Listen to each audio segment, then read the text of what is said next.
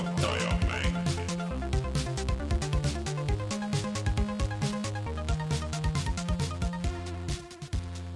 tere tulemast, käes on reede, kahekümne kolmas november aastal kaks tuhat kaheksateist ja on aeg käes, et äh, teha seda puhkamise asja, siis seda mängimise asja ja minu nimi on Rein Soober. ma pudistan nagu jube, ma poleks pidanud sööma šokolaadi vahetult enne saadet. Minuga koos on äh, Martin Mets. tere, sul on hammaste vahel see šokolaad veel, jah? on või? jaa, on näha, jah. okei okay., no äkki, äkki millalgi saate jooksul tuleb ära äh,. kuidas läheb, mis me teeme, mis värk on? väga hästi läheb, tänan küsimast. me räägime täna mängudest ja me räägime täna, täna on must reede, tead, jah? Aa, nagu, nagu tänase reede või? jaa, ja mul on mure, et vaata, räägime sellest, miks mängud on nii odavad. Liiga odavad või? liiga odavad. kas sul on mure mänguarendajate pärast, kelle raske vaev jääb tasumata? vaat ma ei tea, siin ongi küsimus tegelikult, selles mõttes, et äh, mitte kunagi varem ei ole uued mängud, nii uued mängud olnud äh, nii odavad, kui nad on praegu. okei okay., et äh, seda on, see on päris huvitav. et ma arvan, et sellest me räägimegi õige pea, natukene pikemalt. selle Musta reedega on see naljakas asi, et nagu noh, Eesti nagu kaubanduses, vaata seda ei eksisteeri. kümme protsenti ja, ja täpselt, mingi mõned üritavad seal nagu kuidagi ära kasutada seda või midagi, aga, aga see Black Friday on nagu väga hea päev, kui osta mänge, just sest et rahvusvaheliselt vaata mingites USA poodides ja ma ei tea, mis mingites, ma olen mingites PlayStationi poodides või asjades ka on nagu ma muidu See tegelikult häid see hakkab. Eestisse jõudma, ma just käisin siin, jalutasin enne päeval siin Rotermanni äh, siin keskuse vahel ja siis oli üks riidepood, kus oli kirjas, et äh, et seal on reedel on kõik asjad, kõik asjad, miinus viiskümmend. et selles Okei. mõttes see on juba nagu päris, see on juba allahindluse moodi. aga millest me veel täna räägime? Äh, me räägime täna, me räägime veel Fallout seitsmekümne kuuest, selles mõttes, et äh, me ei ole ise mänginud, aga meil on tunne, et mida rohkem me selle kohta siin räägime tagaistmelt äh,, auto tagaistmelt räägime selle kohta, seda rohkem meil tekib tunne, et me ei taha sinna juhirooli mitte kunagi minna vist, ja mina tegin läbi Return of the Obra Dini ja siis mm -hmm. ma olen veel väga palju mänginud Red Dead Redemption kahte okay.. et see on väga huvitav, selles mõttes, et äh, eelmine saade ma olin, mul oli ikkagi mit, päris mitu halba asju selle kohta öelda ja nüüd Mhm. mm. ma olen seda mänginud ma arvan, viimase nädala jooksul äh, rohkem, kui ma üldse seda olen varem kokku mänginud, ja nüüd on sul ainult häid asju öelda? ei No. aga millegipärast iseenesest kui ikkagi mängid, siis, siis midagi peab nagu olema selle kohta, selle kohta öelda. ja okay. Half-Life sai kahekümne aastaseks, et see on kindlasti hea võimalus nüüd välja kuulutada Half-Life kolm no aga kuulutati välja midagi muud. no ja midagi Half-Life'iga toimub ka seal VR-i rindel aga kusagil sina, oled edasi mänginud Don't Starve'i ja siis ma saan aru, et sa käisid virtuaalselt kalal, kuna põhimõtteliselt sa nagu keeldud, mina käisin suvel, käisin õngega kalal muide. tavalise. õngega, korgiõngega ja mm. käisin ja sõin ühe kala, mis kala oli? ahven. kas sõid ära? Kassile andsin, kass ei söönud. see on viieteist sentimeetri pikkune, noh, andsin talle selle, vaatas loll näoga mulle otsa, mis asi see on, ma ütlesin, et see on kala, näed, palun söö. ei tahtnud, lõikasin lahti, et näed, palun söö. ei tahtnud. siis lapsed ja siis see kala jäi sinna, sinna seisma ja siis mingi naabrikass või keegi käis, viis selle minema. Enda kassid kellele, ma siis püüdsin selle. ilus viieteistsendine ahven, noh. no aga okay, loodetavasti sul kalame- virtuaalselt läks nagu äh, paremini ja loodan, et saad oma virtuaalsele kassile kala sööta. Kalamäe jutte me siis täna veidike räägime veel, aga enne kui me alustame uudistega, siis äh, tahaks tänada oma Patreoni toetajaid ja eriti nimeliselt veel välja tuua Taavi Valner, Veksimus üks, Kristjan Kivi-Vakos, Jüri Kaljurand, Henrik, Failissi, Unine Unetu ja Triin, aitäh teile! ja nüüd tulevad siis uudised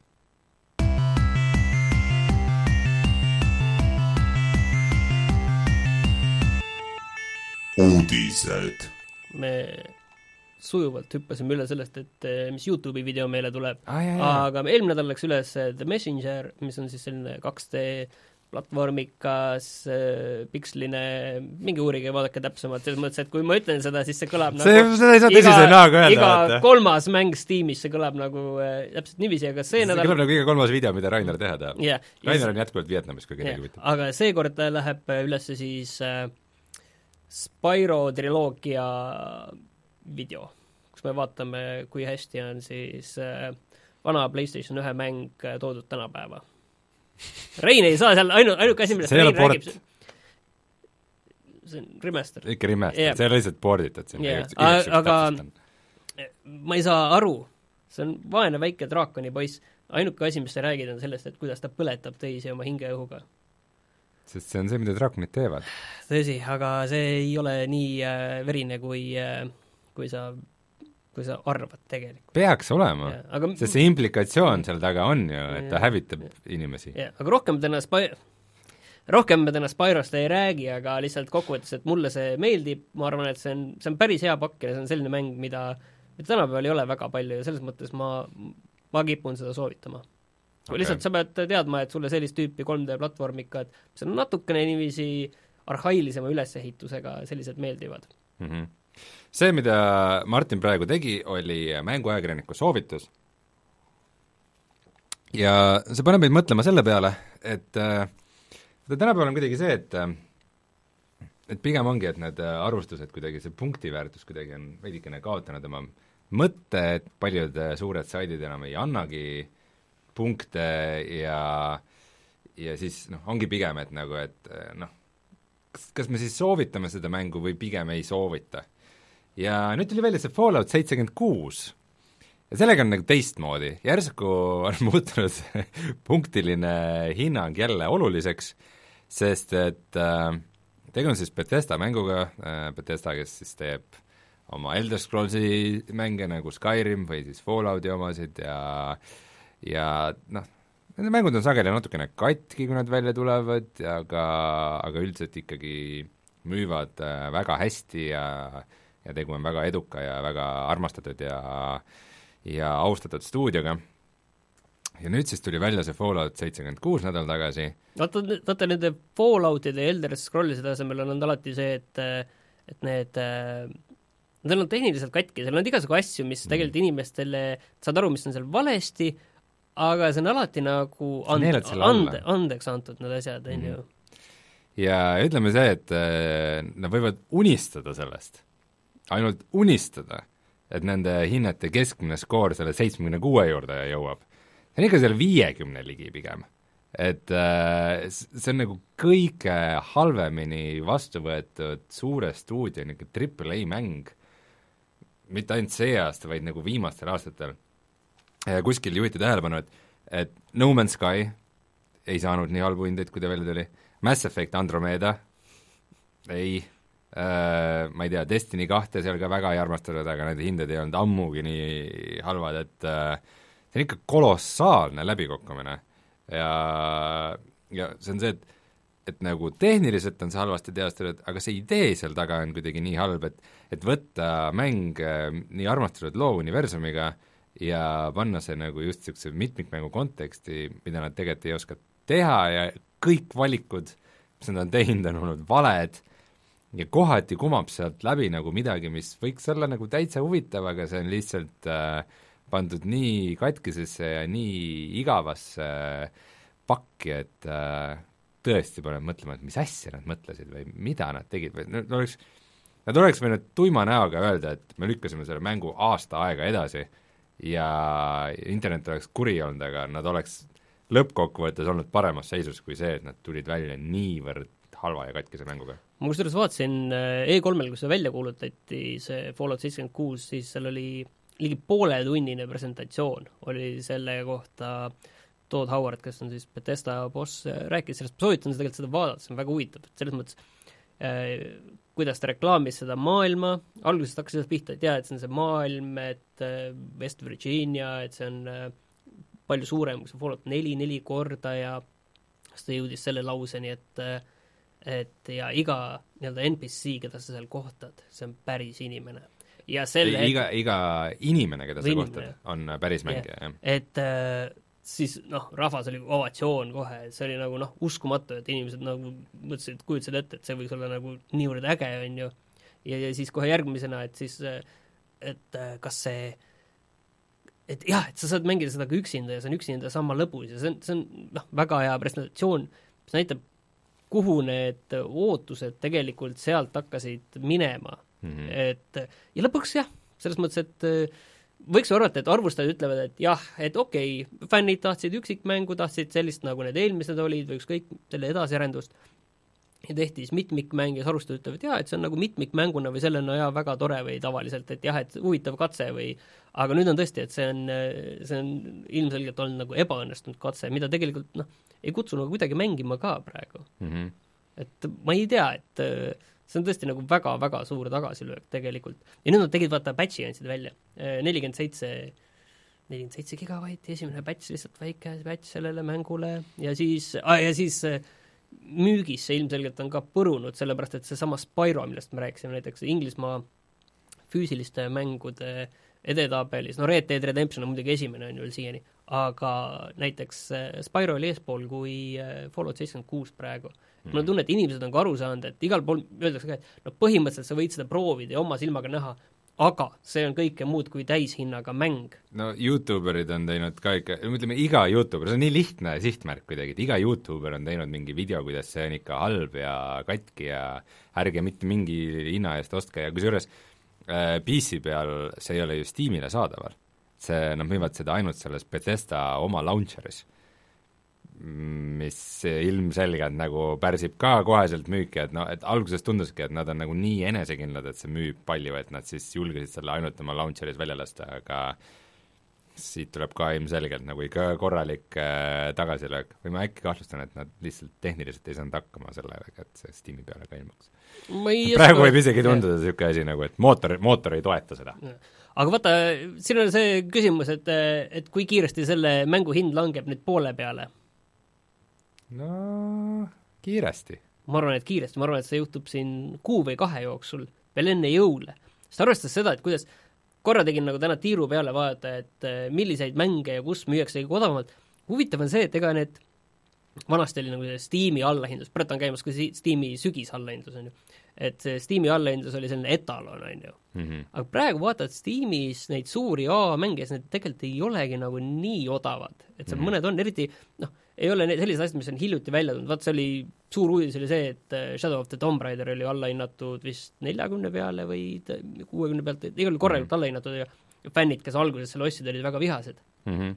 aga nüüd see on täiesti nagu standardiks saanud, täna ma vaatasin äh, PlayStationi allahindlusi, FIFA üheksateist on neljakümne euro peal, äh, Spider-man neljakümne peal, ähm, seal ühesõnaga mängud, mis on alles välja tulnud, Need ei ole mängud, mis on Steamis oli ka ikka päris häid asju, seal oli äh, see Assassin's Creed o, viimane Odyssey oli äh, kuuekümne pealt neljakümne äh,. Samamoodi PlayStationis neljakümne peal. Mm.. ja kui meil toodi, Discordis toodi välja, et miks ei ole Nintendo peal allahindlusi, siis Nintendo's on tegelikult, seal on käimas, poes on ka praegu käimas allahindlus ja minu meelest, ma ei ole nüüd nagu Rainer, et Nintendo spetsialist oleksin mm, aga selliseid allahindlusi minu meelest Nintendo poes pole varem olnud, näiteks seesama FIFA üheksateist on kuuekümne dollari pealt allahinnatud kolmekümne viie peale mm. -hmm. ja see Doom näiteks on kolmekümne peal, samamoodi kuuekümne pealt ja, ja, ja seesama, mille, mis meil eelmine kord soovituseks oli, see viimane NBA, see kaks K üheksateist, Mhm. see on samamoodi kolmekümne dollari peal, kuuekümne pealt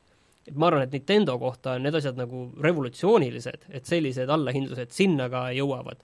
okei okay., Monster Hunter World näiteks kõige, see, mis hiljuti tuli välja, mis Rainer lubas ka endal reisil ette võtta, see Donkey Kong uh, Country Tropical Freeze oli selle nimi, see on ka nelikümmend, see tuli ka, alles tuli välja mm. -hmm. et tegelikult uh, isegi sinna on need allahindlused jõudnud, et äh, ja see on kohe tunne, et mingi asi läheb halvasti, siis rääkisime sellest eelmine aasta samal ajal, on ju, et seal ja, ja üle-eelmine aasta ilmselt ka, aga mul on tunne, et see asi nagu iga aastaga läheb nagu kiiremaks mm. -hmm. et mõned asjad, mis jah, ei müünud, oli see äh, Dishonored'i vaat see lisapakk, of the Outsider, mis läks hästi ruttu, kukkus ka poole peale, mis oli tõesti vist kaks-kolm nädalat pärast seda, kui ta välja tuli, oli mm -hmm. juba kukkunud, kukkunud nii palju juba, et noh, ilmselgelt jah, ei müünud ja siis on lihtsalt see, et võimalikult ruttu laseme alla, et vähemalt, vähemalt mingi osa inimesi kohe alguses selle ostaks. kuidagi, aga, aga miks sa arvad, mis see on muutunud, et, kas see on see, et äh, kas see on see, et kuidagi, kuna neid striimereid ja kõike on nagu nii palju, siis on vaja hoida mingit seda kumu ikkagi üleval, et, et nagu mäng täitsa ära ei vajuks või mis,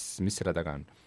no ilmselt on lihtsalt konkurents, mul on tunne, on selle taga, et konkurents on niivõrd suur mm -hmm. ja et tuleb lihtsalt võimalikult äh, ruttu tegutseda, pigem sa võtad selle poole hinna kui see, et sa ei saa nagu mitte midagi. või mm. see püsib seal täishinna peal, sest teised tõstavad enda mängu tõstavad allapoole, vaatasin näiteks South Park, viisteist eurot Switchi peal mm. -hmm. et kolmkümmend on muidu selle tavahind, aga see tuli ka suvel või millal need tulid välja, et need on ka suhteliselt, suhteliselt äh, äsja välja tulnud asjad. South Park? see tuli lihtsalt Switchile, tuli lihtsalt see of Truth, need tulid jaa, mõle-, need tulid suhteliselt minu meelest suvel. minu meelest Stick of Truth tuli varem, aga võin ka eksida. jah, Mario pluss Rabbids on kolmkümmend kaks eurot. tead, aga äkki on asi lihtsalt selles, et see Red Dead Redemption kaks on lihtsalt niisugune must auk seal ümber, mis nagu imeb kõik mängijad endasse ja siis teiste mängude jaoks praegu ei olegi mängijaid, siis nad üritavad see on rohkem. kindlasti ka, kindlasti on suur probleem, kui sa vaatad, kui palju see Red Dead äh, on müünud, siis mm. ja inimesed ongi ju, et äh, mina kaasa arvatud, et polegi nagu, see on nii pikk ja suur mäng tõesti kuuskümmend tundi, ma arvan, et ma olen selle kuuskümmend tundi või sinna kindlasti pannud, et ma kujutan ette, vaata kunagi oli see, et ma ei tea, kas tänapäeval ka on see, et et äh, eratele-, telekanalid maksid äh, ETV-le mingit äh, raha, et ETV-s ei oleks reklaami et kogu reklaamiturg oleks erakanalite käes. kas äkki hakkab samamoodi olema tulevikus, et äh, teised mängustused maksavad Rockstarile raha, et et nende kampaaniad oleksid lühemad, et lükka veel edasi, lükaku edasi veel las need inimesed äh, mängivad selle teie mängu, aga teeme nii, et kakskümmend tundi mängivad ja siis mängivad jälle meie mänge edasi. sest see nagu võitlus, üks asi on nagu võitlus rahakoti pärast, aga teine on see võitlus selle aja pärast, et äh, inimestel pole lihtsalt seda aega, et mängida mingit Assassin's Creed'i või Tomb Raiderit, sest nad tahavad Red Deadi mängida. ja ma, ma ei tea nagu, kuhu see asi välja läheb, et see on mõne, mõnes mõttes on see nagu selline noh, mängude hinnad ei saa lõputult alla minna ja lõputult ruttu ei saa alla minna, see, sest on noh, fakt, et äh, need arendusrahad nendel äh, suurtel mängudel on, on väga suured mm, -hmm. aga samas, mida suuremad on need rahad, seda suurem on neil see, see vajadus, et see tuleb, see raha tagasi saada mm. -hmm. ja, ja noh, kusjuures oligi see eelmine Tomb Raider, mis praegu Steamis maksab kümnekas Rise of the Tomb Raider, et eh, seda raha lihtsalt, eh, kus need olid ka mingid ulmelised eesmärgid, palju seda taheti müüa, viis miljonit mingi suhteliselt lühikese aja jooksul. et ja kui seda ei saavutata, siis on, ollakse kohe hädas, on ju, et eh, mul on tunne, et need samamoodi need suhteliselt ulmelised eesmärgid on paljudel mängudel, palju nad tahavad müüa seda. ja et siis okei okay,, hinnas võib-olla seda raha ei saada kätte, aga siis see tükk sa-, tükimüük saadakse võib-olla kätte sinna selle siht, et et okei okay,, me viis miljonit müüsime, aga okei okay,, mitte täishinnaga. aktsionäridele, aktsionäridele on vaja öelda, et müüsime miljon ja, mängu. ja Red Dead on ka allahinnatud praegu näiteks PlayStationis, see on päriselt? kümme protsenti. ma arvasin, et see on mäng, mis nagu järgmised kolm aastat ei ole kordagi no, see on vist nagu selline, sellist mulje pärast, et need oleks ka selles äh, musta reede selles odavmüügis oleksid mm. sees. mingid tüübid, jess, ma teadsin, et see ootamine tasub ära, et kõik sõbrad juba mängivad kuu aega, aga ma ootasin ära selle musta reede, sain kümme prossa odavamat yes.. ma ei ole Xboxi seda vaadanud, mis, mis müügid seal on neil, aga ma arvan, et need on umbes samal tasemel PlayStationiga praegu mm. -hmm. et aga vaata, see ongi nagu naljakas, et ma mäletan, et äh, viis, neli-viis aastat tagasi sellised soodusmüügid äh, PlayStationi peal, no sellise, need ei olnud sellise skaalaga. et äh, siis oli noh, tõmmati kogu aeg seda paralleeli Steamiga, et vot Steamis on nii odavad asjad, lähevad nii ruttu odavaks ja saad nii palju nii palju häid mänge nii hea hinnaga, on ju, aga näed, seal oma konsooli peal te saate peate täis, täisrahaga peale ostma või kui on allahindlus, siis on, no see on natuke nõme, et Steam, näiteks PlayStation nelja peal täismäng on ikkagi siiani, tähendab, digitaalne täismäng tähendab seitsekümmend eurot, mitte kuutekümmend eurot, on ju. Mhm. aga nüüd, nüüd nagu mul on tunne, et vist kui ma vaatan praegu, mis seal Nintendo poes toimub, siis vist hakkab see lõpuks ka Nintendole jõudma, sest noh, mida Rainer on meil korduvalt rääkinud, et et Nintendo peal, Switchi peal või sinna nagu neid allahindlusi väga ei jõua, et seal on -hmm. seal on mõnikord allahinnatud, aga siis nagu mingid üksikud asjad ja kindlasti mitte nagu need asjad, mis nüüd siin just viimase paari kuu jooksul on välja tulnud. aga nüüd mul on tunne, et see, see on nüüd nagu sinna jõudnud, see allahindluste, see jõud, et nad saavad ka aru sellest mm. et PlayStationi peal see on üsna nüüd juba tavaline, et selline pool aastat äh, väljas olnud mäng, seda saab ka poole hinnaga, nagu noh, God of War või umbes kolmkümmend eurot või on Detroit on kolmkümmend eurot või Far Cry viis on kolmkümmend eurot, et äh, okay.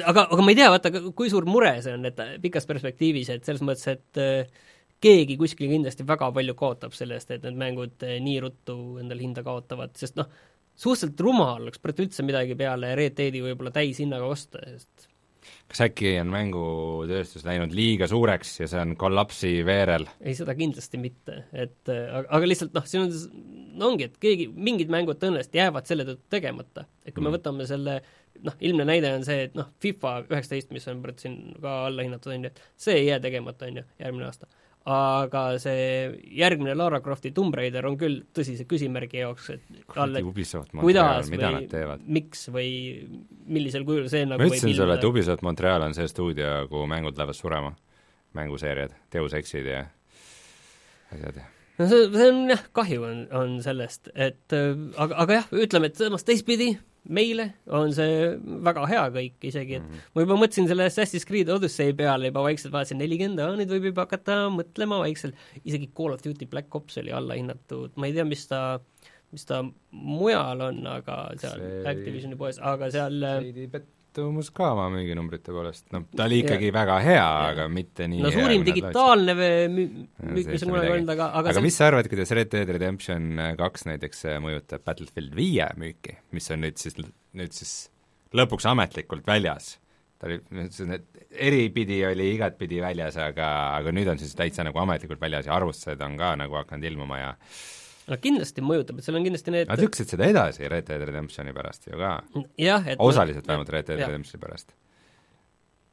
ma, ma arvan, et, et seal on sellisele, pigem sellisele casual'ile mängijale, nemad lihtsalt, neil pole praegu aega selle jaoks või nad ei taha selle peale kulutada, need, kes on seal teemas sees, no neid, need on seal sees ja noh, neid see ei mõjuta, ma arvan mm. -hmm meil muidu saatejuhtide seas nagu suurt Battlefieldi fänni ei ole, aga, aga Battlefield viis on ikkagi kindlasti oluline mäng ja siis peaksime selle nagu natukene ära mainima, et need arvustused seal on nagu ka niisugused natukene keskpärased, et kuidagi, ma saan aru, et nagu ütlevad, et mäng ise on äge, ta on nüüd nagu tempokam, mm, kuidagi niisugune letaalsem, ei pea mingit äh, tervet kuulipildu ja linti kellessegi sisse söötma, et ta pikali kukuks. Äh, aga, aga samas ta on nagu tuntavalt poolik ikkagi, et nagu mingid asjad on seal, no reaalselt mingid placeholder'id on menüüdes sees ja kuidagi tundub väga, väga, väga kiiresti no, jaa, nende Battle Royale tuleb ka järgmine aasta, tegelikult nad mm. andsid välja terve selle roadmap'i endale, et millal, mis neil tuleb, et see tuleb päris, päris, päris palju sisu on sinna veel juurde tulemas. No erinevalt äh, viimasest Call of Duty'st on neil ka üksikmängu osa siiski ka, mis ei ole põhjus, miks keegi mängib Battlefieldi, aga ikkagi nagu tore, et see on olemas. aga mingis mõttes äh, nad tegid äh, midagi täitsa uut, üks põhjus on veel, miks see on oluline, on see, et see on siis äh, esimene mäng, mis mis tuli välja siis selle Äh, rate tracing uga, see on siis see uus äh, Nvidia tehnoloogia, mis on see suur asi, millele nad on panustanud selle äh, uute graafikakaardi liinidega, see on siis RTX kaks tuhat seitsekümmend, kaks tuhat kaheksakümmend ja kaks tuhat kaheksakümmend Titan, ja oled sa lugenud mingeid esimesi arvustusi ja võrdlusi ja asju ja et, et kas see, kas see suur panus, mis Nvidia sinna panid, kas see nagu tasub ära või ma arvan, et see tasub ära, aga see veel ei ole praegu päris täpselt see koht, kus kogu selle tehnoloogia ehk selle ray tracing'u see ehm, potentsiaal veel lõplikult äh, avaldub mm. -hmm. et see näeb visuaalselt küll väga hea välja, mis see seal on okay..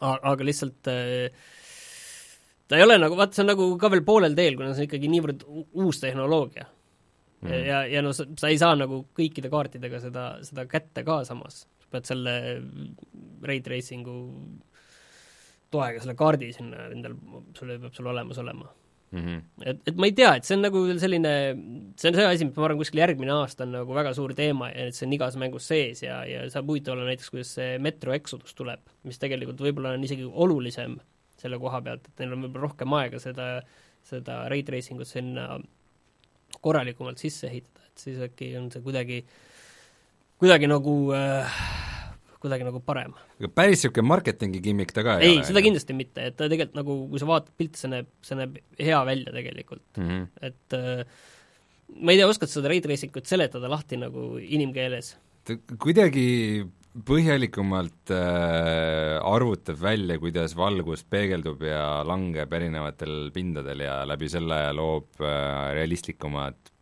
mingid peegeldused ja erinevad materjalid näevad rohkem päris välja, midagi sellist? jah, et äh, materjalidel just on see, et sa nagu rohkem näed, näed, et siis on asi mingi puine või on sametine või kogu see valgusefektid, et kuidas need on palju realistlikumad, et kui sa lähed kuskile mm. pimedasse kohta, siis see ei ole, siis seal see, kus see valgus muutub, siis see ongi natukene hämaram ja hämaramast niiviisi sujuvalt läheb selliseks kottpimedaks kuskil näiteks ruumis, et äh, seda päris nagu niiviisi need teised mängud kõik ei suuda. Aga noh, kokkuvõttes see, see on seal ikkagi veel praegu nagu veits poolik. kurat, ma räägin sinuga praegu sellel, sellel teemal ja mu aju ainult mõtleb äh, seda, et äh, kurat, vist peaks ikka ostma siis selle uue kaardi ma ei saa ju, ma ei saa mingi kuramuse konsooli laadset visuaali ju vaadata oma kuramuse tuhat nelisada nelikümmend B oma tuhat nelisada nelikümmend B monitorit, vaata mingit, ma ei tea, mis asja on mõtle, kui hea mingi Red Dead Redemption kaks sellega välja näeb, kui ta PC peale tuleb. Tead, mida rohkem ma olen hakanud mõtlema seda, ma ei mäleta seda kihlvedu, mis te, kuidas te, kuidas teil see kihlvedu Raineriga oli, aga sina vist ütlesid, et tuleb või? mida rohkem ma nagu vaatan, seda rohkem mulle tundub, et tuleb. ja muidugi tuleb. et mulle tundub see ikkagi rohkem nagu paratamatus, et see ilmub ja, ja kõige rohkem, mis mulle meeldib, on selle juures see, et kurat, siis saaks seal normaalselt see tulistamine ikkagi normaalseks. ma mõtlen ka sama asja, äh, selles mõttes, kui ma, ma nüüd ei ole mitu nädalat mänginud, aga aga äh, ikka põlgan seda tulistamist selle konsooliga, et kuidas noh, sa pead kasutama seda auto-aim'i, et üldse seal millegagi hakkama saada. ilma, selles mõttes, et ma esimese asjana võtsin auto-aim'i tegelikult maha, seal on hästi palju erinevaid auto-aim'i ja neid äh, leveleid, et see mm -hmm. tasemeid ja mida sa saad valida, ja mõtlesin ka, et noh, ma võtan maha, ma ei hakka, teeme ikka nii, nagu see päriselt peaks olema mõeldud mm. -hmm. ja ei, see ei ole päriselt nii mõeldud, et sa mängid ilma auto-aim'ita, see on mõeldud täpselt nii, et sa mängid seda auto-aim'iga, see on niiviisi mõeldud et jah, sulle on antud see valikuvõimalus, aga see auto aim on nagu, see muutub äh, selle, kuidagi selle tulistamise metaosaks. et kui sa tulistad seal Red Dead Redemptionis, siis äh, sihid, tulistad. siis ta automaatselt sihik lukustub kuskile vastasele, kes seal enam-vähem sealkandis kuskil on mm -hmm. ja siis äh,, siis sa nõksa kui ta lukustub vastase keskele, siis sa nõksa, lased ülespoole, nõksa ülespoole automaatselt, tulistad. siis lased selle sihtimispäästiku lahti, natukene liigutad seda hiirekursorit umbes, või hiire, konsooli seda nii-öelda analoogkange natukene järgmise vastase poole, uuesti sihid, nõksa teisega ülesse, tulistad. ja siis saabki selline auto-aim'i metamäng on seal, kuidas sa nagu tulistad seal, ma ei tea, et see mõnes mõttes kuidagi see tegevus imiteerib äh, seda päästikule vajutamist ja selle kahe lasu vahelist asja selliste relvadega kuidagi nagu imiteerib mingil veidral tas-, veidral justkui korrigeeriksid oma päris jah, täpselt, ja, ja et see kuidagi, kuidagi nagu toimib sellise veidra metamänguna seal mm., aga ma ei tea, see tulistamine on seal selles mõttes, kui korra veel sinna minna, on üldse natukene naljakas, et äh, põhimissioonide käigus see tulistamine väga varieerub.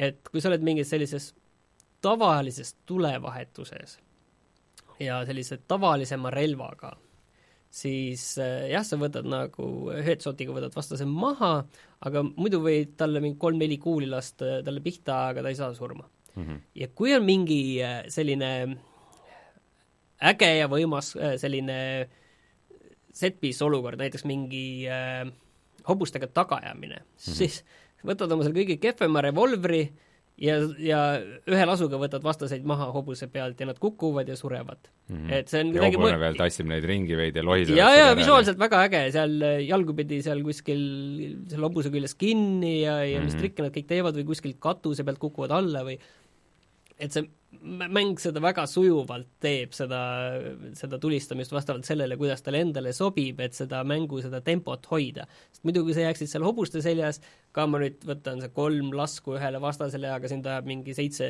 ratsanikku ajab taga, et kui sa peaksid nüüd igale ühele kolm võtma, siis, siis sa ei saa seda päris samamoodi teha nagu see, et kui sa oled kuskil majade vahel ja varjud sobivalt äh, sellise puusakõrguse äh, kivivareme taha, mis sinna on sobivalt paigaldatud mm, -hmm. kus sa saad seal rahulikult olla selle taga ja tulistada ja noh, Red Deadis üldse, kui sa oled millegi taga, siis põhimõtteliselt sa oled avamatu? sa, sa oled surematu põhimõtteliselt, kui sa sealt üles tõusma ja sihtima ei jää kauem kui kolmeks sekundiks, kui sa teed selle lasu, tuled välja, tulistad kolme sekundi jooksul ära, siis on äh, kõik okei okay., kui sa jääd nagu umbes kolmest sekundit kauem sinna välja sihtima või passima, siis keegi võib-olla saab sulle pihta. et keegi sulle, et nüüd nagu jookseks sulle peale või kuskilt küljelt tuleks või mm -hmm. selline asi, no paar korda on juhtunud, aga see on ikkagi pigem selline ime.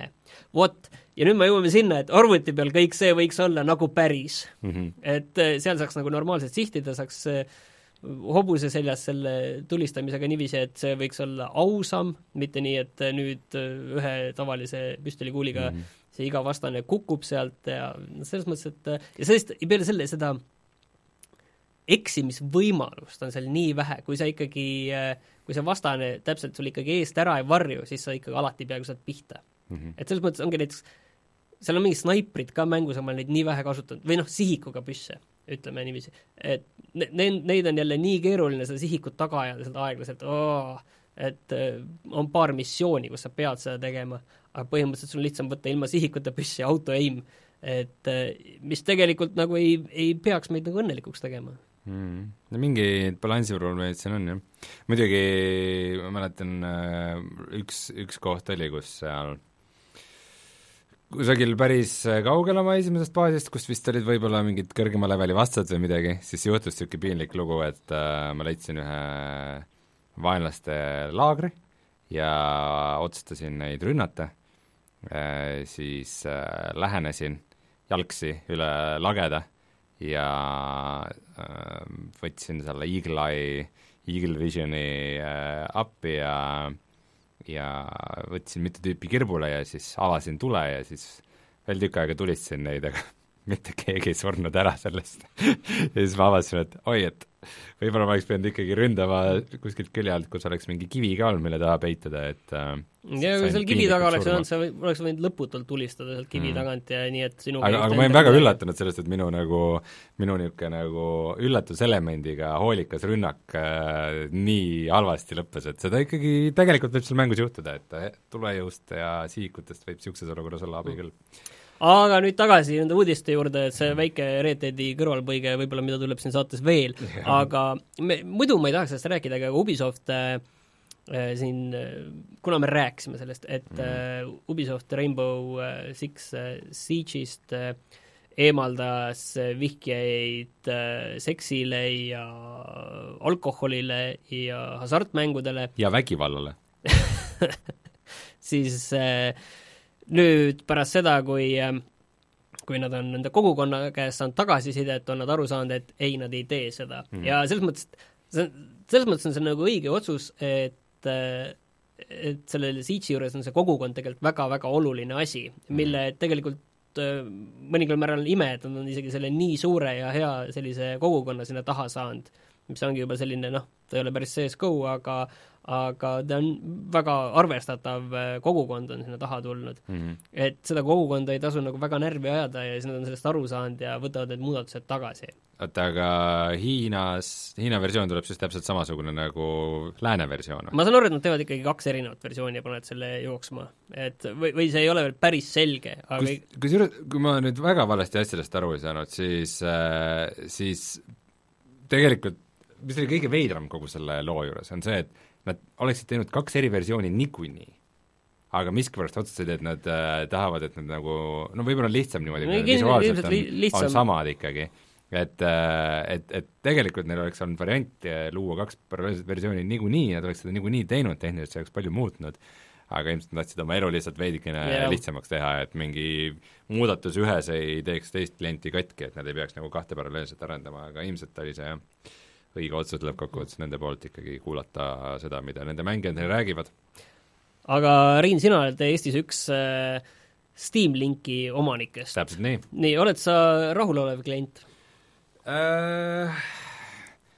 mul ei ole Steam Linki vastu midagi, aga, aga ta ei ta ei sobinud minu mänguharjumustega piisavalt hästi, et mul oleks seda väga palju vaja läinud. see on siis, tegu on siis sellise väikse karbiga, striimimiskarbiga, mis äh, striimib äh, kohalikus võrgus sinu mänguarvutist pilti näiteks äh, telerisse mm. -hmm.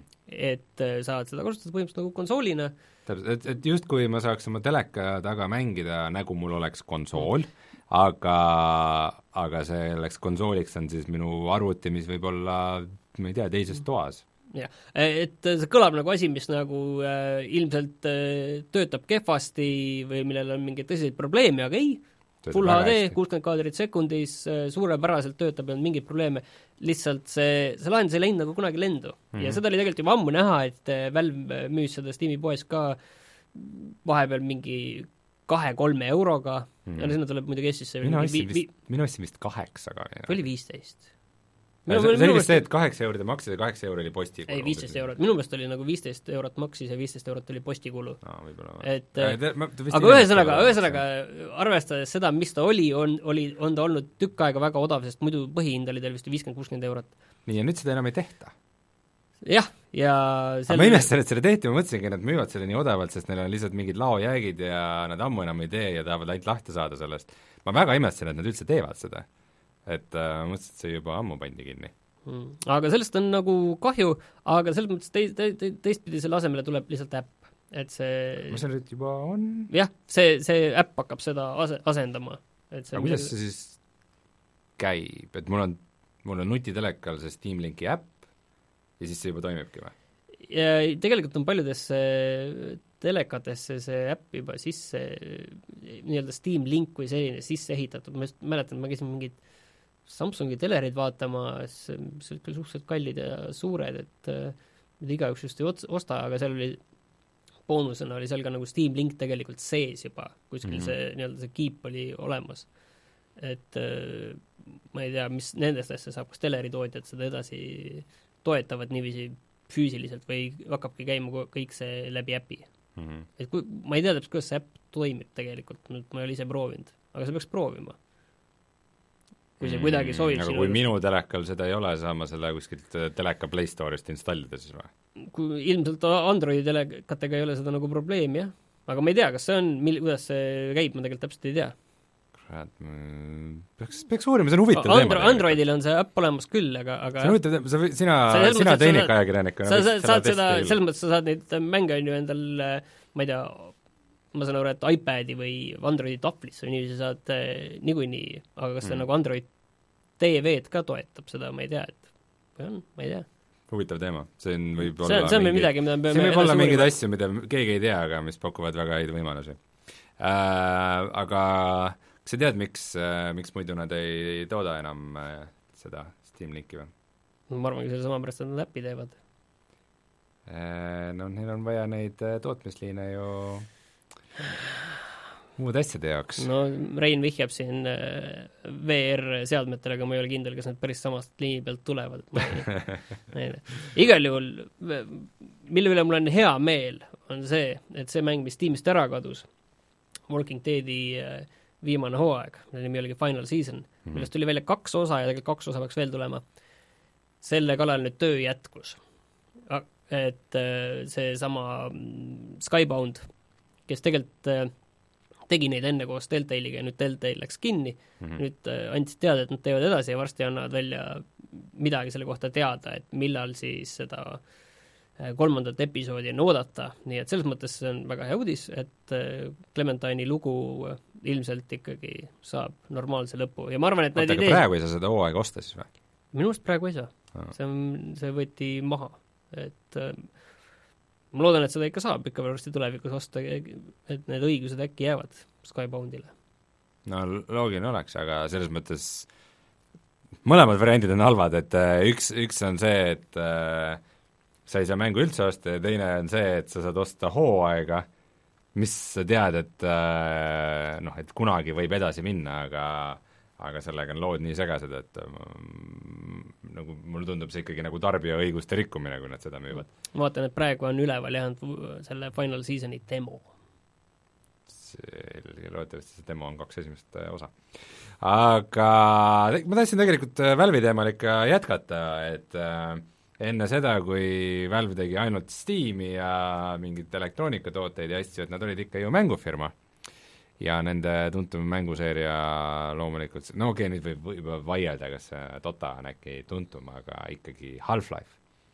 on äh, see siis mäng, mis Half-Life üks tuli välja kakskümmend aastat tagasi. nii äh,, kuidas sul tunne on, et tahaks seda uuesti mängida? mängisin seda uuesti alles mõni aasta tagasi. mina mängisin ka. seda Black Mesa uusversiooni. tegid läbi? jah. Ja ta siis ei ole terve teda ei saa lõpuni mängida, sest see ei ole terve mäng. sest et ta lõpeb ära see hetk, kui äh, Gordon Freeman äh, läheb läbi portaali Xenni, ehk siis äh, tulnuka maailma kus siis see mängu viimane episood leidis aset ja see Black Mesa remake tuli nüüd välja kuus aastat tagasi või? nii ammu või? Mingi viis-kuus aastat tagasi. neli äkki, igal juhul see oli ammu küll. see oli väga ammu. ja aga siin on vist probleem selles, et äh, seda ei teinud mitte Valve ise, vaid see oli fännide tehtud projekt, selline fännide tasuta levitatud fänniprojekt, jah. ja kõik arvasid, et seda Xeni kunagi ei tule, aga nüüd siis nad lasid välja selle treileri. ja see treiler on päris äge seal on see häda, et vaat see näeb nagu nii ilus ja, ja värviline ja äge välja, et äh, ma ei ole kindel, et see Black Mesa, see ülejäänud osa nii ilus tegelikult oli. ja seal on vist ka see teema, et nad äh, seekord ei teinud lihtsalt seda, et nad tegid selle visuaalselt veidi kenamaks. Nad äh,, nad ikka on seekord nagu mängu täitsa ringi teinud, see Xen oli suhteliselt lühike, nad on selle teinud äh, märkimisväärselt pikemaks ja pannud sinna mingeid täiesti teistsuguseid alasid, teistsugust leveli disaini, uued äh, asjad, kusjuures isegi uued monsterid äh, mingid kollid olid, äh, kes kuskilt failidest on nagu välja imetud, et äh, taheti vist alguses mängu panna, aga lõplikust versioonist äh, nii-öelda jäid, jäid montaažiruumi põrandale, nagu filmikeeles öeldakse, siis nad on need ka uuesti teinud nullist ja need ka mängu sisse pannud. see on selles mõttes veider, et minu meelest see Black Mesa, muidu see põhiosa mängust, see oli vist suht üks-ühele mm., et see, seal ei olnud nagu midagi uut sisse toodud või see oli täpselt nii, nagu see oli, lihtsalt äh, uus võib-olla, võib-olla nad midagi tegid selle füüsikaga, vaata, et, äh, et äh, mingid mingi, mingid füüsikapõhised mõistetused või midagi niisugust äkki oli või? mingi üsna väiksed erinevused isegi, see oli mm. ikkagi üsna niisugune niisugune ustav äh, taasloomine, see Half-Life ühe taasloomine. Aga järgmisel nädalal võtavad äh, Valve'i uue mängu võtavad ette aga see Xen siis see tuleb välja millalgi järgmise aasta esimeses pooles. nii, enne seda saad ette võtta välja uue mängu. kas sa mõtled Artefakti? see tuleb välja kahekümne kaheksandal novembril. mõtlesin, et see on juba müügil. see, sellega, ma ei ole väga süvenenud jällegi teemasse, aga sellega on netis olnud ikka päris palju draamat, et kui Dota kaks on nagu üks niisugune kõige lahkemaid ja kõige äh, paremini läbimõeldud äh, tasuta mänguskeeme, siis Artif-, Artifakt on nagu täpselt vastupidine, et see, see on siis äh, Dota tegelastel põhinev äh, kaardimäng, see mäng ei ole tasuta, see maksab vist mingi kakskümmend eurot. kaheksateist. kaheksateist eurot. jaa, ikka kakskümmend kaheksa, tuleb, eelmüügis on praegu. ja, ja kõik maksab. Kõik maksab, sa ei saa mitte mingeid ka-, sul on vaja uusi kaarte, et äh, võistelda neid kaarte sa ei saa mängimise eest, sa saad neid ainult ostes, sealjuures kaardipakkidest tulevad ka need tegelased, kes on algusest peale, ehk siis nagu need, sa saad, sa saad, ostad pakke, kus sa saad neid no, kaarte, mis kõigil on algusest peale olemas. mida sa vahetad kaarte, mis on kõigil olemas nagu nii, kui nad mängu ostavad? mis on nagu baas? jaa, sa okay. saad baas-stuff'i tasulistest asjadest, et ja kõik selle juures on nii kohutav, et, et nii kui see nii kui see keelt peale, pealt ära läks, et nüüd võib sellest mängust rääkida, seda näidata, siis tuli lihtsalt mingi halalaviin. Ja ma saan aru, et mingid patch'id ja mingid muudatused on juba toimunud, aga, aga ei ole väga jõudnud süveneda, et mis, mis seisus see praegu on, aga aga üsna künklik algus on olnud, ütleme niimoodi ma ei tea, kas minu elus on ruumi ühe digitaalse kaardimängu jaoks praegu. ma ei tea, mina ei ole kunagi nendest nagu liiga palju hoolinud, aga see, kui sa peaksid midagi võtma, siis võib-olla, võib-olla siis ikkagi enne see, see The Witcheri kaardimäng. no selle ma võtan niikuinii. jah, okei okay. aga mida enam Thronebreaker siis. mida enam keegi et-, mida enam ette ei võta, on Cliffi B mängude tegemist. vähemalt nii ta Twitteris lubas ja pärast ta ütles ka, et jah, sellega on kõik et äh, Cliff Bleszinski viimane mäng oli siis Lawbreakers, mille jaoks tegi eraldi stuudio Boski mis nüüd saeti laiali. see Lawbreakers mm. oli siis äh, täpsustan, tema viimane mäng oli Radical Heights. tõsi, mis oli siis selline säästuversioon, kiiresti kokku klopsitud Battle Royale mäng. ja siis nad lasid selle väga-väga-väga varases staadiumis välja, see oli, see ei olnud isegi nagu see oli ikka mõeldud nii, et see oleks väga katkine välja, ma mõtlesin, et see oleks äge, aga inim-, nii natukene mingid striimerid seda natukene vaatasid umbes sel-, nendel hetkedel, kui Fortnite maas oli mm. hoolduses, serverid olid hoolduses, siis natukene vaatasid ja see oli nagu see mäng mingitel hetkedel ja siis kadus see ka kõik. aga selles mõttes, et äh, kui me enne, enne rääkisime sellest Red Deadist ja sellest Red Deadi tulistamisest ja seal kivi mm. taga istumisest ja sihtimisest ja tulistamisest, siis põhimõtteliselt see on see mees, kes meile selle häda kaela tõi. et esimene, tema oli esimene, Epicus esimese kolme äh, Gears of War'i siis, mis on siis lead disainer või juht, disainer või põhimõtteliselt, kes selle mängumehaanikat seal tegi, on ju. ja see mhm. noh, tohutult kiitust sai kõike ka sellega muidugi mm, -hmm. aga sealt see kolmanda isiku vaates varjumispõhine tulistamine massidesse jõudis. Just high ma, walls, nagu Zero Punctuation, et jah, et, et ma ei tea, kas ma ei tea täpselt, kas kuidagi seda, kuidas seda varem tehti ja kas see oli, aga see oli ka see koht, kus see massidesse jõudis, et tema on selles süüdi, et mm. seda Red Dead Redemptionis peame no, see, kannatama. paljudes mängudes nagu hästi ka toiminud, Uncharted näiteks yeah., noh, muidugi sellega tuleb see nali, et äh, kui sa lähed uude alasse ja näed, et seal on need rinnakõrgused seinad, et siis sa tead, et oo, äkki siit tuleb mingisugune rünnak kusagil. ja, ja kui ei tule, siis, äh, siis lihtsalt tullakse siis sa tuled pärast, pärast tagasi siia tuled sealt, oo, siit, äh, siis on see, vaata, sa alguses lähed ühtepidi sinna sisse, sa lähed mingit varandust kuskilt ära tooma, on ju mm,. ja teistpidi siis alguses vaatad, oo, nüüd siin läheb tulistamiseks, ei tule, sa tuled oma varandusega pärast tagasi või varandusest ilma või sinna, kus sa pidid jõudma, tuled tagasi, sa tead, okei okay,, me tuleme siia tagasi ja siis, kui tuled tagasi, siis täpselt siis sa oled lihtsalt teisel pool neid äh, vöökõrguseid müüre ja siis läheb tulistamiseks. ja siis noh, sealt muidugi arenesid asjad edasi, et need müürid, mis lagunesid tulistades ja, ja nii edasi, aga põhimõtteliselt jah, et äh, see mees lubas, et enam mänge ei tee, ma selles nii kindel ei oleks mm. -hmm. Chat täpsustab, et Thronebreaker ei ole Witcheri kaardimäng, vaid see on RPG, mille võitlus käib kaartidega, et et see eraldi Quenti mäng on ikkagi täitsa teine asi jaa, ma selles mõttes, et äh, sa pead meile selle selgeks tegema ikkagi, meil on nõudlus on kõrge, et sellest asjast aru saada mm. -hmm. aga kas ma tahtsin midagi Half-Life'i kohta veel öelda või? no minu meelest ei tahtnud, et me Half-Life kolmest rohkem ei pidanud täna rääkima. jah, mulle tundub, et tänaseks on meie uudistega ühele pool ja räägime siis nüüd sellest Red Dead Redemptionist ja muudest mängudest.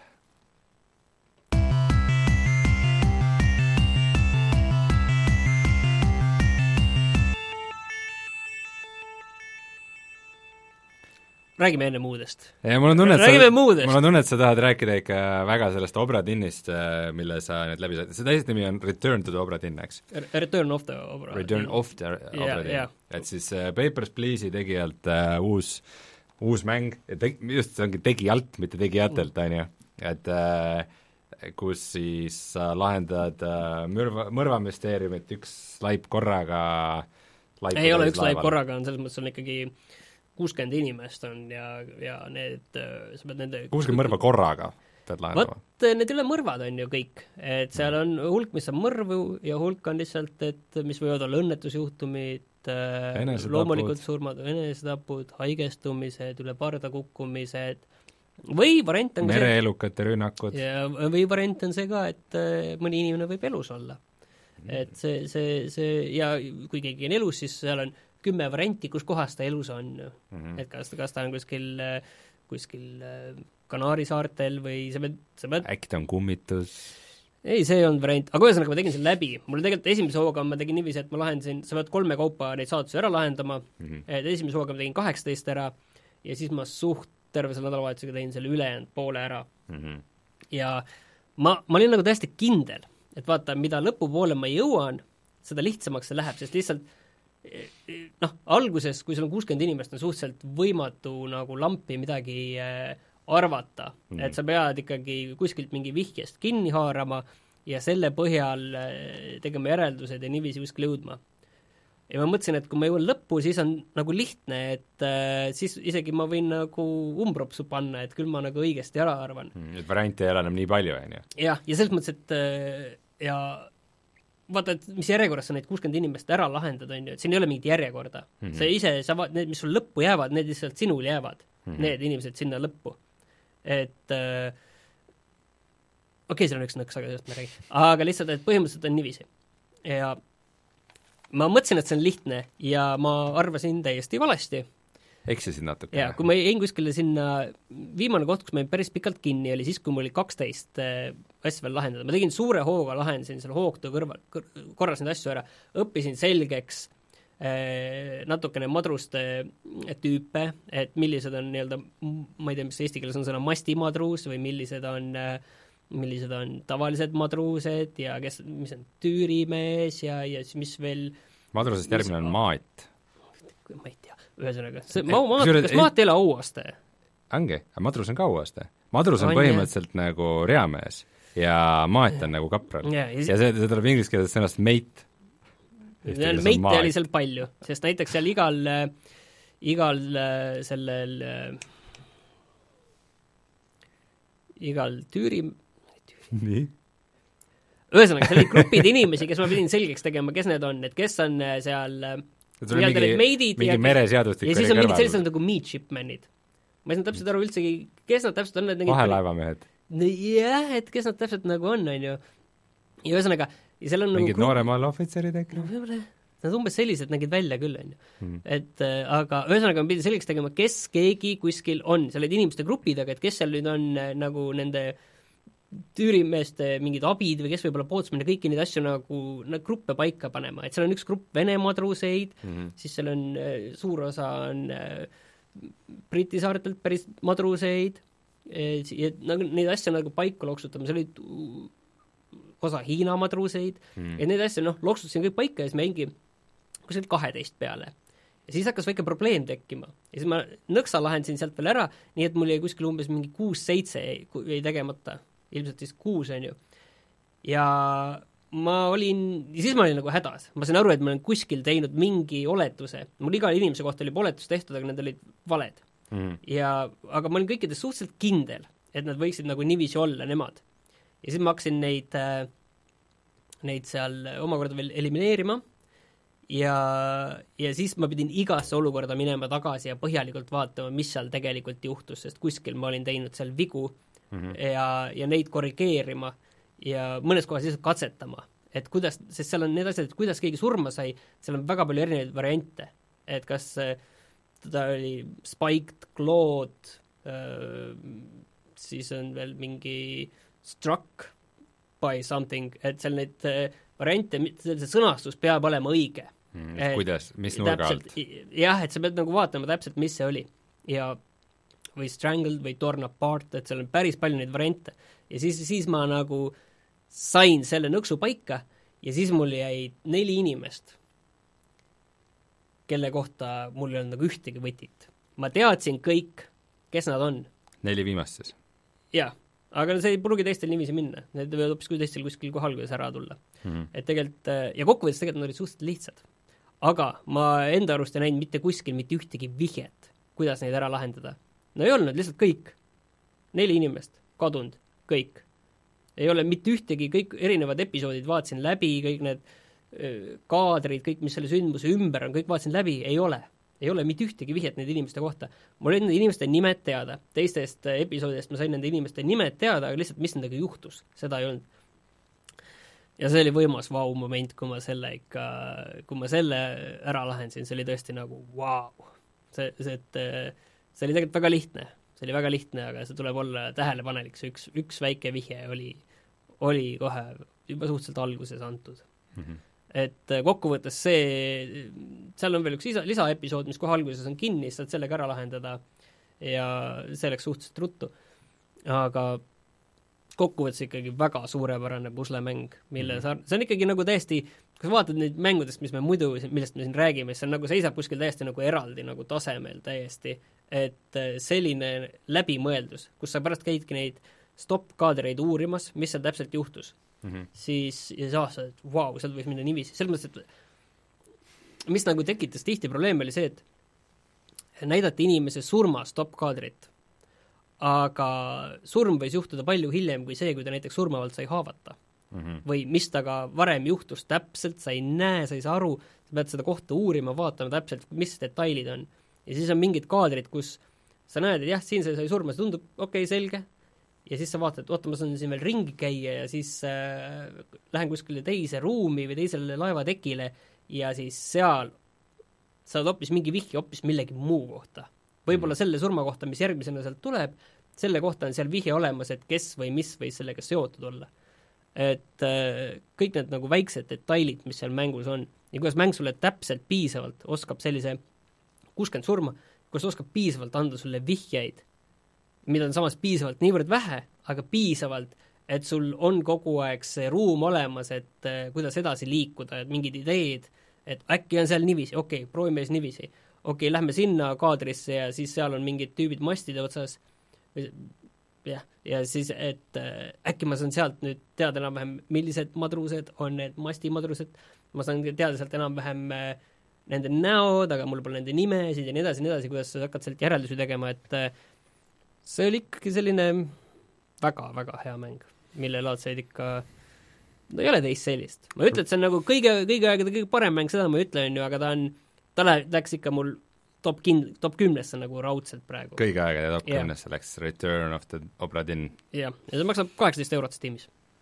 okei okay,. kõva sõna, kõva sõna, jah. kõva sõna ja ma arvan, et ma kunagi tahaks ka proovida seda ise, aga ma ei tea, kas ma tahan seda see aasta proovida, muidu see solgib mu mm -hmm. selle top kolme äkki ära. see pikkus on sellel muidu kuskil, ma arvan, mingi no alla kümne tunni teeb läbi okay.. et ma Steamis endale pärast vaatasin, mul oli küll viisteist tundi, aga lihtsalt mul oli nädalavahetusel see lihtsalt nii palju arvutusi oli lihtsalt lahti ja vahepeal läksin teine edasi, see lahti, et mm -hmm. et aga, aga muidu ma arvan, ta on niiviisi seitse-kaheksa tundi, väga paljud ma arvan, et ta oli sul lahti ja sa lihtsalt lebasid põrandal maas ja ahastasid. mõtlesin, kägaras. see ei ole võimalik, vedavad, et aa ja vot see oli, see on väga palju selliseid momente tegelikult täis, et mm. ja, ja noh see saavutuse tunne sellisel puhul on hästi võimas, on ju. ja, ja täpselt, et ja see, ja noh, mõnes mõttes sa, kuidas sa nagu edasi liigud, ongi see, et okei okay,, ma nüüd keskendun mingile inimeste grupile või mingitele inimestele või no mhm. mingid, mingid ametikohad on vaata unikaalsed laeval, on äh, kokk ja on äh, lihunik ja on arst ja mm. on puussepp ja noh, sa tead, et neid, nendel on, paljud olid ka abi, oli, oli vist äh, ja nii-öelda varahoidja ja ja siis kurat, kuidas see on, pootsman ja pootsmani abi ja, ja seal nagu neid ametikohti, mis on nagu unikaalsed, neid on, mingi relvur äkki on selline ametikoht ja rel-, ja neil on, no see on see, et paljudel on nagu abi ka, et siis seal jätab natuke nagu sellist äh, ruumi, et mis sa pead mõtlema, et kumb on kumb, on ju mm, -hmm. aga nendest unikaalsetest asjadest on lihtne alustada, ilmselt ma arvan, päris paljud äh, lõpetavad sellega, et sinna lõppu jääb üks ports neid madruseid, keda on suhteliselt palju ja kes on suhteliselt sarnased ja kelle kohta mm -hmm. selliseid konkreetseid vihjeid on väga vähe. okei okay..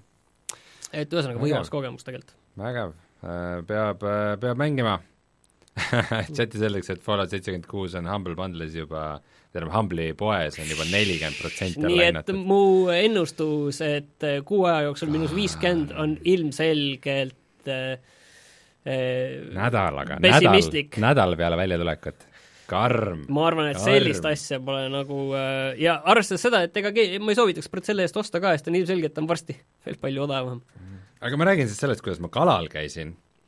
Ma nimelt äh,, ma olen mänginud äh, Oculus Go'ga ja nagu teiste mobiilsete seadmetega niisugust väikest kalastusmängu nagu Bait, mis on nagu ilgelt chill ja mõnus äh,, aga see mäng või no mängumehaanika nagu ise ja ütleme, see struktuur on pigem niisugune nagu mobiilimängulaadne veidikene, et äh, saad mingi no Oculus Go peal põhimõtteliselt ongi mobiilimängud. no natukene on jah, ja siis see on hästi lihtsakoeline niisugune see ridva viskamine ja vajutad nuppu, et hoidsid vist päästikut all, et kerida ja siis pead laste laskma, et et äh, liin katki ei läheks ja siis jälle kerid ja noh, ta nagu mänguna on suht igav, aga samas see on täpselt niisugune chill, niisugune teen tööl väikse pausi ja nagu rahulik muusika mängib kuskil vee ääres inimesed eri,, inimesed käivad päriselt niiviisi kalal. aga see, lihtsalt vot see, et sa saad seda nii kiiresti teha, et sa teed niisuguse kümneminutise pausi, kus sa korra nagu lülitad välja ja püüad kala ja see tundub chill. ja siis ma tahtsin proovida nagu niisugust nagu päris kalastamismängu, et ma mängin seda ikka nagu mitte lihtsalt HTC Vive'iga, vaid HTC Vive Proga. Ja veidikene tegin uurimustööd ja siis avastasin, et kõige parem mäng, kõige sobivam mäng selle jaoks on äh, Catch and Release. Niisuguse nimega mäng. päris kallis, maksab kakskümmend eurot.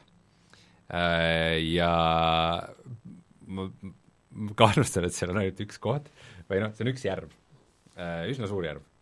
ja mäng algab nii, et sa oled paadis, soovitav on istuda, sa, aga põhimõtteliselt sa võid püsti seista ka. saad püsti seista ka ja siis no ongi selles mõttes on vahva, et ma nagu tirisin omal tooli keset mänguala, istusin selle tooli peal seal ja siis on niimoodi, et äh, sa võid võtta aerudest kinni ja nagu aerutada eri kohtadesse ühe või teise aeruga niimoodi seal pöörad, kas kuskil lähed kõrgetesse või mingisuguse äh, kose äärde või nagu seal nagu neid kohti on, ja noh, vesi paistab nagu veidi läbi ka natuke, isegi näed, mis tüüpi kalu kuskil on, kuigi noh, mitte liiga palju, et üldiselt hoiab niisugust väga realistlikku joont, siis sul paadis on äh, raadio näiteks, saad seal keerata füüsiliselt seda raadionuppu, on ju, on erinevad raadiojaamad, räppi kuulata, jah? kolm jaama olid ainult, ma kuulsin ühte, mis oli niisugune üsna niisugune kantri, aga no mingit vene, vene tümmi ei tule või? Kahjuks vist mitte. ma olen Emajõe ääres kuulnud, et seal vahepeal, ma mõtlesin, kuidas kala püütakse, kas vaikselt peaks olema, kuulavad seal vene tümmi samal ajal seal mingi raadiost kõrvale. Äh, see bass äkki meelitab kalu kohale? ma ei tea, seal võib olla mingi nõks, mida ma praegu ei taju. bass meelitab basse mm,? Bass on mis kala? ma ei tea, mis ta eesti keeles on. ma, ma tean, Red Deadis on ka. Seabass, ma ei tea. Äh, koger, ei, ma ei tea. Äh, ja siis on sul seal karp võileibadega, võid neid võileibu süüa seal kalaga püüad või?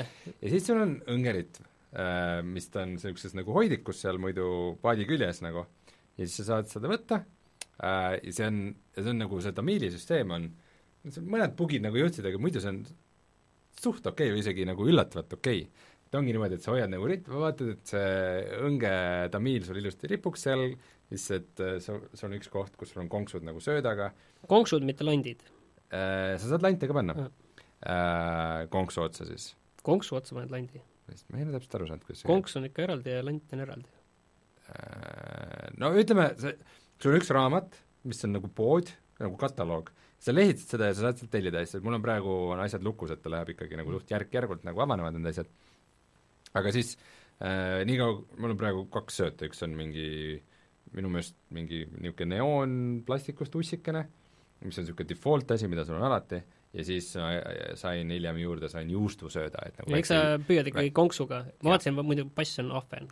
aa, okei. Okay.. ja siis paned konksu otsa selle ja siis äh, päästikut all hoides äh, nagu lased äh, tamiili järele, siis niimoodi lased nüüd, viskad selle kaugele ja siis vaikselt hakkad seda spinninguga niimoodi tagasi tõmbama ja siis äh, ja siis noh, hoiad nagu ikka selle konksu liikumises ja siis tulevad sinna näksima kalad ja siis tõmbad neid välja ja siis nagu noh, natukene pead väsitama seal, lased tamiili järgi ja siis tõmbad jälle sisse. see muidugi ei ole üldse loogiline, et sa pead seal väsitama mingisuguseid umbes mingeid ogalikke ka nagu no need panevad seda miiliga ringi, aga noh, ma saan aru, et see mäng nagu lihtsustas mitut mehaanikat, et et see ei ole pigem niivõrd see, et, et sul nagu tamiil läheb katki, kuivõrd see, et äh, kui sa liiga jõuliselt tõmbad, siis ta lihtsalt saab konksu otsast lahti, et ei ole veel nii korralikult seal küljes kinni. aga mingi väikse püüad kinni, siis saad elussöödaga ka püüda või? kurat, see on küll hea küsimus äh,. Vist ei saa, aga sa saad tagasi visata mm. ja sa saad, sul on põhimõtteliselt kaks varianti, et sul on nagu niisugune jäätäis kast et kas sa paned kala sinna sisse ja siis, kui sa paned kaane kinni, siis sa saad sellest raha kohe mm. või viskad tagasi ja saad raha kohe. ja väikeste kalade eest on see, et sa saad rohkem raha siis, kui sa seda viskad tagasi äh,, kui see, kui sa paned okay. jääkasti. et nagu mõlemat on premeeritud. ja siis ma saan aru majanduslikult mäng... tundub ebaotstarbekas, aga mängus ilmselt on see hea mängu mõttes toimib ja, ja siis sa saad osta omale ilmselt tulevikus mingeid paremaid, äh, paremaid äh, ritvasid, äh, tamiile, loodetavasti ka lante, sest et muidu on ikka kahekümne eurise mängukohta väga vähe.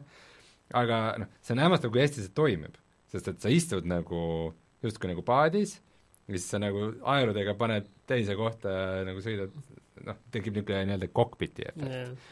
ja siis äh, noh, kui seal tõmbad mingit suuremat kala taga, siis ikka tõused püsti, et paremini vaadata, kaugel ta on, et veest näeb nagu veidi läbi ja siis ja siis nagu vahepeal seal püsti oled ja siis vehid nagu äh, mõni kala umbes teeb sul ringi ümber paadi ja päris cool on, päris äh, vahva oli niimoodi natukene olla kuskil järve peal ja VR-is kala püüda, et noh, tea, paljudes mängudes on samamoodi nagu seal kuskil Red Dead Redemptionis on nagu kalapüügi mingi mehaanika on sees või või mingites teistes äh, mängudes veel äh,, isegi mul tuleb meelde praegu Warframe'is näiteks on kalapüük või noh, rääkimata siin World of Warcraftist või mingitest sellistest mängudest, et äh, et on tore nagu näha üle pika aja mängu, kus see, või Far Cry viis, et on tore näha üle pika aja mängu, kus seda kalapüüki on nagu ikkagi võetud nagu tõsiselt, selle, seda nagu disainitud, mäng on disainitud selle ümber. no see ongi üks mäng ainult sellega. jah, ja, ja, ja nagu need, ja mulle väga meeldib ka see, et need liigid on ka ikkagi päris ja nagu, et äh,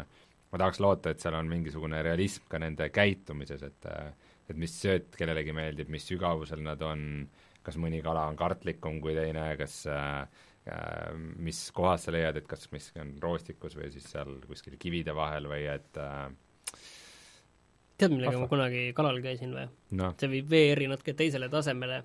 hakkavad, ma tean, ma teadsin, et ma avan nüüd mingisuguse kalameest ei, ma ei, luugi. ma käisin, kui ma noor olin, siis ma käisin rohkem, aga mis ma vahepeal huvi pärast proovisin, ei äh,, selline, selline pall, sonar mm, -hmm. viskad äh, vette ja siis sul on äpp ja siis äh, see kuvab sulle pildi, nagu mis seal all toimub. päriselt? jah. okei see on äge. siis sa näed nagu kalas no kuidas see reaalselt toimib, aga idee on äge idee on jah äge, et sa näed, kuidas seal eh, väiksed kalakesed mõnes kohas tulevad ja siis sa näed, et seal on mm. mingid kõrked. mul ei ole aimugi, kas need kõrked või või mingid vetikad on päriselt ka seal vee all, aga ilus pilt on küll vaadata ja siis mingid väiksed kalakesed tulevad, okei okay,, ma siis viskan selle konksu sinna ja vaatan mm., ühtegi kala ei saanud. aga huvitav oli küll, vahepeal mul oli tunne, et ta pani nagu lihtsalt täielikku mingit teivast, see süsteem, see sonar. Aga mul ei ole aimu, kas see päriselt töötab, aga see oli nagu vaat päris eh, selline vot ma ei teagi, kas see oligi AR või VR, kas see virtuaalselt eh, kuvati mulle neid kalu, mis seal virtuaalselt olemas olid või need ka päriselt olid või lihtsalt mingi võnkeid see seade kujutas ette või ka see päriselt oli niiviisi mm,? Ta ei ole kumbagi, ta põhimõtteliselt eh, kogub sulle infot, mida sa saaksid kuvada ilmselt AR-is.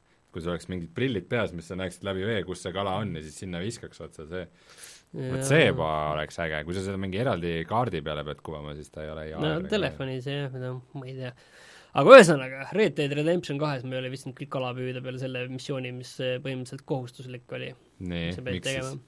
ei ole viitsinud kuidagi, seal on nii palju muid kaks missiooni on, kus kala peab püüdma oh,, aga ühes see on valikuline jaa, ja neid valikulisi kindlasti on veel ja, ja kõik seal on eraldi need äh, söödapoed kõik, et üldse neid legendaarseid kalu püüda ja ma ei ole viitsinud jahtida ka neid legendaarseid elukaid, seal on eraldi mm. mingid alad, mis ongi legendaarsete elukate alad, kus neid ma vaatasin, ma vaatasin neid äh, talismane, vaata, mis on nendest legendaarsetest nahkadest saad, ja üks oli vist selline, mis äh, tõstis ühe võrra, kas mingisugune legendary buck või mingi niisugune, mis tõstis ühe võrra seda naha kvaliteeti, mida sa saad nülgides mm et see tundub küll, et seda on nagu vaja kohe, aga ma ei tea, kus aga mis mulle tegelikult, äh, ma ei ole jah nendega teinud, aga me oleme kõik väga palju muid neid lisategevusi ära teinud, kõik need bounty'd, pearahad, mis seal on, mitte tegelikult ei ole eriti palju, neid Strangerite, neid kõrvalmissioone olen suure hulga ära teinud, äh, seal mõni on väga pikk ja erinevaid, sa pead, läheb väga pikaks.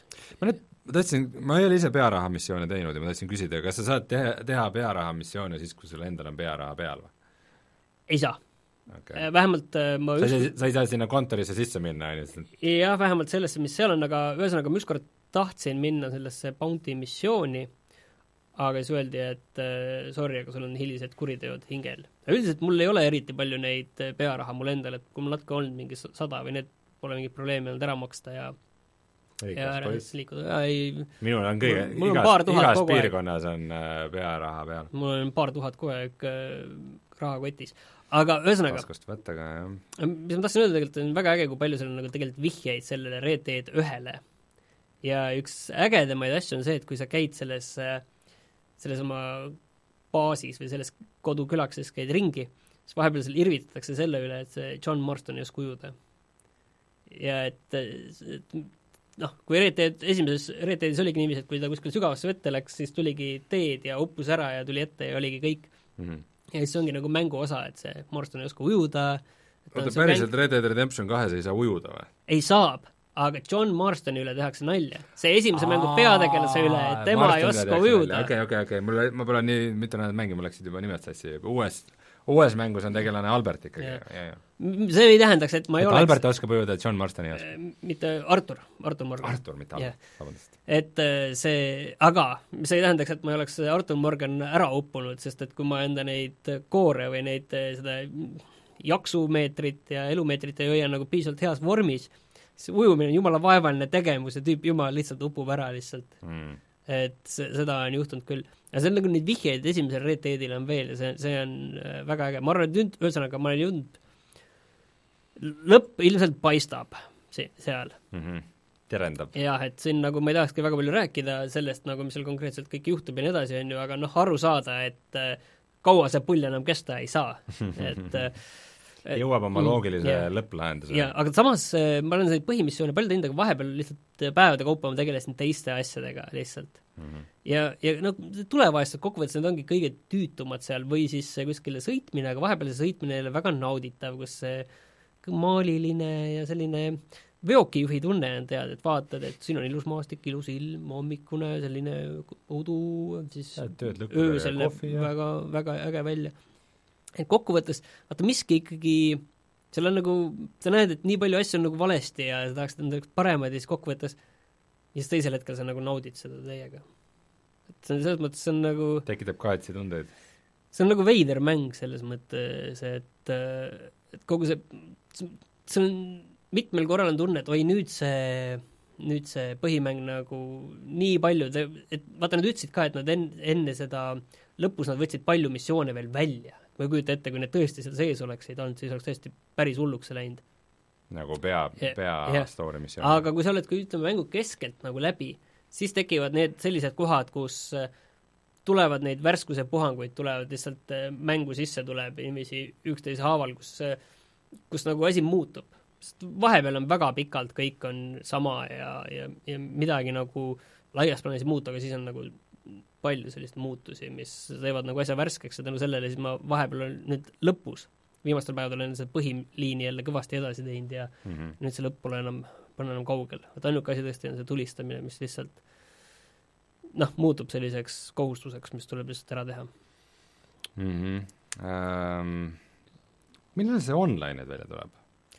ma ei tea, ma nägin, et online'i, see pidi olema novembris minu meelest, kas ei olnudki kirjas, et nii-öelda beeta äh, kahekümnendal, aga, Aga ma nägin, et igal juhul need äh, trofeed olid PlayStationi peal olemas, aga me ei ole isegi ju näinud selle mingit treilerit ega midagi sellist. me ei tea isegi, kellena või millena sa seal mängid, kas teed oma tegelase nullist või äh, ma ei tea, või kõik on, kõik on Arturid või? vot äh, ei, ei saa välistada Äh, ja mida, on seal kuupäev kirjas seal kuskil?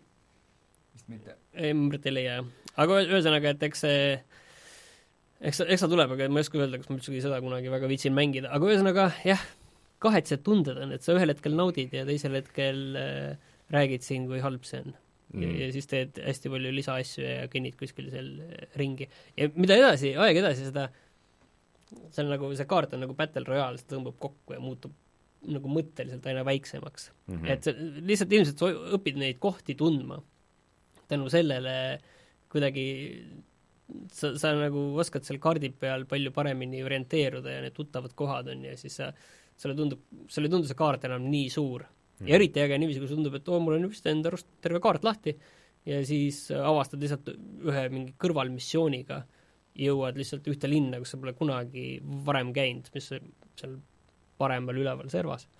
et see, oo, siin on veel terve linn, on ju mm. -hmm. et äh, need on alati mingid ägedad hetked, et ah, see linn on siin tegelikult alati olnud, on ju, et sa lihtsalt ei teadnud seda ja nüüd sa juhuslikult jõudsid sinna, et sellised hetked ka alati sellises avatud maailma mängus toimivad hästi. et noh, seda Red Dead Redemption kahe kohta ilmselt öelda ei saa, et teda vähe on. ei, kindlasti mitte. seda on Mul- kohati ikkagi liiga palju. mul täna üks äh, sõber just Facebookis äh, kurtis, et nagu nagu töötava, töötava ja perega mängija peale ikka ei mõelda, mitte nagu naljaga, vaid nagu tõsiselt mõttes, et äh, see ei ole ikka normaalne, et nii pikkade kampaaniatega mängud on. ilmselt kokkuvõttes tead äh, ma loodan, et nüüd järgmise või halvimal juhul ülejärgmise nädala pärast see on mul läbi, Mm et siis oskab selle tervikule nagu tagasi vaadata, et äh, võib-olla nad panevad selle asja lõpus seal niiviisi kokku, et see tundub, et see kõik pidigi nii olema. Aga seal vahepeal tundub küll, et natukene liiga, liiga pikk, sest ega nad, ma ütlen, nagu eelmine kord pikalt rääkisime, et ega need põhimissioonid otseselt mingeid, mingeid selliseid midagi erilist nagu sulle ei paku. ja kui see, üks põhimissioon on see, kus sa pead, istud pokkerilauda ja pead mingit tüüpi võitma, on ju mm. -hmm. ei, et sa ei mängi, sa ei mängi seal seda. sulle öeldakse kohe ära, et see mäng on fixitud, on ju. ja, ja sa lihtsalt, sa ei peagi isegi mängima seda, lihtsalt sa pead kaarte käes hoidma ja lihtsalt pakkuma ja kõik. et see, see isegi, ta isegi sellises olukorras, ta ei kasuta seda võimalust ära, et seal on see pokkerimängu kõik, kõik on, see pokkerimäng on seal sees isegi siis sa ei mängi seda tegelikult päriselt. võib-olla selleks hetkeks, kui nad seda missiooni tegid, siis ei olnud see pokkerimäng ei, seal on kõik see päriselt, seal võimalused on olemas, aga ma saan aru jaa, et nad ei saa seda ühte põhimissiooni, teistpidi nad ei saa panna selle taha kinni, et sa mingi pokkerimängu võidaksid, on ju mm. -hmm. kuigi ma ei mäleta, kuidas Witcher seda tegi, kas seal oli, seal oli ka mingid, mingid mängud olid vist kohustuslikud kuskil, ma ikka midagi mängisin seda seal ma ei mäleta, et Gwent oleks Gwent. kunagi kohustuslik äh, olnud Witcheris üheski missioonis. minu meelest ühes kohas oli ja sa pidid ikka päriselt ka võitma mis oli ikkagi, ja kindlasti kõrvalmissioonides, aga minu arust oli ühes põhimissioonis ka ikka. ja mina Witcheri mängudes olen vältinud nagu tuld neid rusikavõistlusi. ja Witcher kolmes mul nagu mitu missiooni läksid selle pärast halvasti näiteks minu kõige vihatum missioon, kus ma pidin panga järjekorras ootama ja siis siis pärast sain turvameeste käest peksa ka ja mind visati välja sealt. okei okay,, aga Red Dead Redemptionist ilmselt järgmine kord, jah? Jah, no eks me proovime edaspidi rääkida sellest ainult siis, kui meil on midagi uut ja taibukat selle kohta öelda, aga eks ta jutuks ilmselt tuleb ikkagi. aga paari sõnaga siis räägin ka sellest va äh, Don't Starve'i lisast Hamlet, mida ma ka eelmine kord mänginud, aga aga noh, mul on mul on olnud raske nädal tööalaselt ja vähesed mänguhetked olen ma siis veetnud selle Don't Starve'iga ja ta on raske see Hamlet on, kurat, on raske, ma ikka vist kaksteist päeva olen kõige rohkem seal vastu pidanud ja ikka mingi lollilt kuidagi surma saanud. sa käid seal avastamas neid äh, mingeid koopaid ja maa-aluseid templeid ja leiad äh, siis äh, artefakte äh, kunagisest ammusest äh, sigade kultuurist oota, see on see, praegu on see sigade kultuur seal ka ju olemas, ma saan aru, kõrgkultuur? praegu on see kõrg, kõrgkultuur, aga siis see kõrgkultuur, nemad siis ostavad su käest neid reliikviaid omaenda ajaloo mm. kohta, mis sa siis äh, maa alt välja tood äh, või siis muude kujude küljest toksid välja või midagi. ja mul on uus tegelane nimega Warbox äh,. mis tema erivõime on äh,? talle meeldib raha see on väga hea erivõime see tähendab seda, et kui sa äh,, Warbucks on selline äh, stereotüüpiline niisugune inglise maadeavastaja, niisugune vanem mees, hallide juustega, päevitunud nahaga ja käib ringi ja ja see kaabu peas ja seda kaabut ma ei ole veel saanud, aga vist püssi saab küll mängus kusagil teha. ja siis äh, talle, kui ta läheb sealt Sigade linnast, saab raha omale, siis äh, see tõstab, kui tal on parasjagu raha inventaris, see tõstab oluliselt tema vaimset tervist. ja see on, äh, see on väga, väga hea mehaanika, et see on väga hea eelis, et äh, sest ta on väga pirtsakas. see on väga realistlik, raha olemasolu kindlasti tõstab vaimset tervist, et kui seda, aga ma ei tea, kui seda liiga ja. palju on, kas ta siis läheb nagu see läheb hulluks. jaa, et kas siis hakkab hallutsinatsioone nägema või äh, või sul pole kunagi olnud liiga palju raha? mul pole vist kordagi seda juhtunud, küll aga on jama see, et ta on väga äh, äh, väga pitsakas sööja, et kui sa lihtsalt mingit äh, kuramuse tõuku kusagil tule peal teed, siis siis ta äh, ikka ütleb, et ärme rohkem seda söö.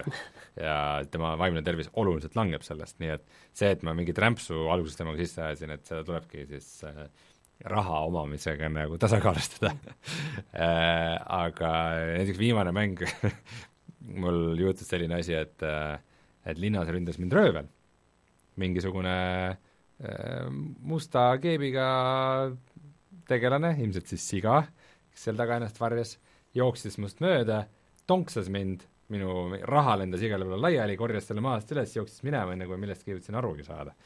ja see, ma kujutan ette, kuidas Warbox sellest oli nagu eriti häiritud. muserdas teda. see ikka jah, ei tee talle head meelt, aga sa saad seal äh, linnas osta omale maja äh, ja põhimõtteliselt sinna maja sisse saad sa teha baasi aga ma ei tea, kuivõrd hea variant see on, nagu kunagi varem vaata, sul ei ole hoonet nagu olnud, et sa oled mm -hmm. justkui korra nagu niisuguses teises leveli sees, äh, selles mõttes, selles mõttes see ei ole väga äge variant, et äh, et see tähendab, et äh, kuna see on nagu keset linna, et sa pead nagu päris kaugele jooksma kuhugi linna, kui sul on vaja, ma ei tea, mingit materjali või puid või või toitu või mida iganes. Et noh, võib-olla kui sul on piisavalt palju raha, et siis sa saad nagu linnas natukene aega ära elatud äh,. Aga mm, see jah, et on, ikka see Hamlet on raske ja kurat, kohati need mehaanikad on nagu natukene isegi ebaausad, sest et äh, ma näiteks mitu korda saanud selle pärast surma, et ma olen saanud mürgitada. viimati juhtus mul see, et ma leidsin ühe, ühe taime äh,, vaatasin, et oo, seda saab süüa äh,, kustutab nälga, mul on üks mood, mis näitab, kui palju miski nälga kustutab või elu annab. ja see mood ei öelnud küll midagi selle kohta, et see mu ära mürgitab. ja vastumürke on seal väga raske leida, küll aga on üks niisugune terviseasutus linnas mis äh, ma olin varem näinud, et see müüb vastumürki. ja siis ma läksin sinna ja tuleb välja, et seekord ei müü. et Miks? Äh, müüsid mulle, ma ei tea, mingit seeni ja kohviubasid.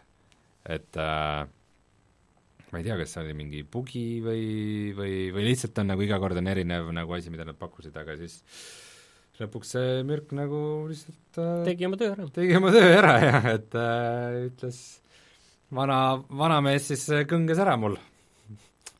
Mida nagu oodata oli, et, et äh, ma ei tea, äge on see Hamlet äh,, aga ta on raske, ta ei ole nagu kindlasti algajatena. äh,, et pigem on pigem nagu see vist ongi nagu, et need, kes tahavad kogu aeg nagu edasi liikuda seal, et rohkem ja. väljakutset ja need, kes seal on sadu päevi elanud ja endale tohutud äh, süsteemid juba sinna rajanud, et nendel oleks nagu mingi uus väljakutse, et need, kes ongi selle Don't Starve'i selline hardcore im kogukond, et neile täpselt pigem või? pigem jah, või siis noh, kunagistele mänguritele, kes tahavad nagu midagi uut või teistsuguseid, teistsuguseid elukeskkondi või aga mul on tunne, et ma nüüd natukeseks panen teie kõrvale, sest et seal need early access'i probleeme on nagu mitte palju, aga no paar korda on kokku jooksnud ja mingid asjad on näha, et et mingi, mõne asja kunst ei ole päris selle Clay tasemel veel, et äh, mõned asjad ilmselt vahetatakse välja, et äh, et aga üldjoontes, äh, üldjoontes äge, aga ta ei löö mind nii pahviks kui näiteks Shipwrecked lõi, mis oli nagu Don't Starve'i lisadest nagu ikka nagu noh, nagu tõesti suurepärane ja tõesti niisugune terviklik asi. nii et äh, Don't Starve jätkuvalt väga hea mäng, kahjuks äh, siis ei saa seda Hamletit mängida sõbraga koos, vaid ainult üksi. aga sellest oli odav vist, mingi viis eurot oli see lisa, aga no vajab põhimängu alla mm. -hmm. see põhimäng on ka iga Steam Sale'iga nagu väga, väga odav nii et äh, mängud on tänaseks mängitud. tänaseks on mängud mängitud. ma siis... vaatame, kas siis järgmine kord jõuame uute mängudeni.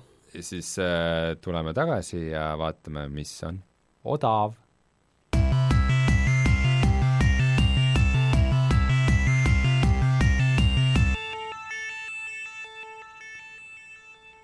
Mitte nagu me ei oleks juba täna sellest kõvasti rääkinud, mis on odav.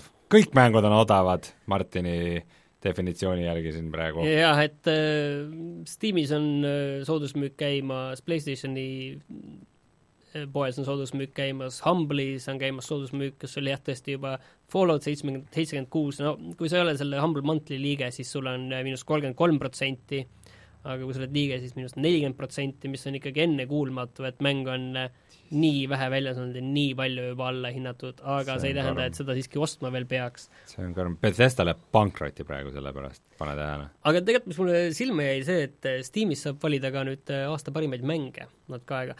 Ja mulle tegelikult jättis see, seal need äh, kategooriad jätsid väga hea mulje, mis seal oli, kategooriad, need parimate mängude kategooriad. Okay.. et kui nüüd tuleb see mis see on see au, videomängude auhinna show, see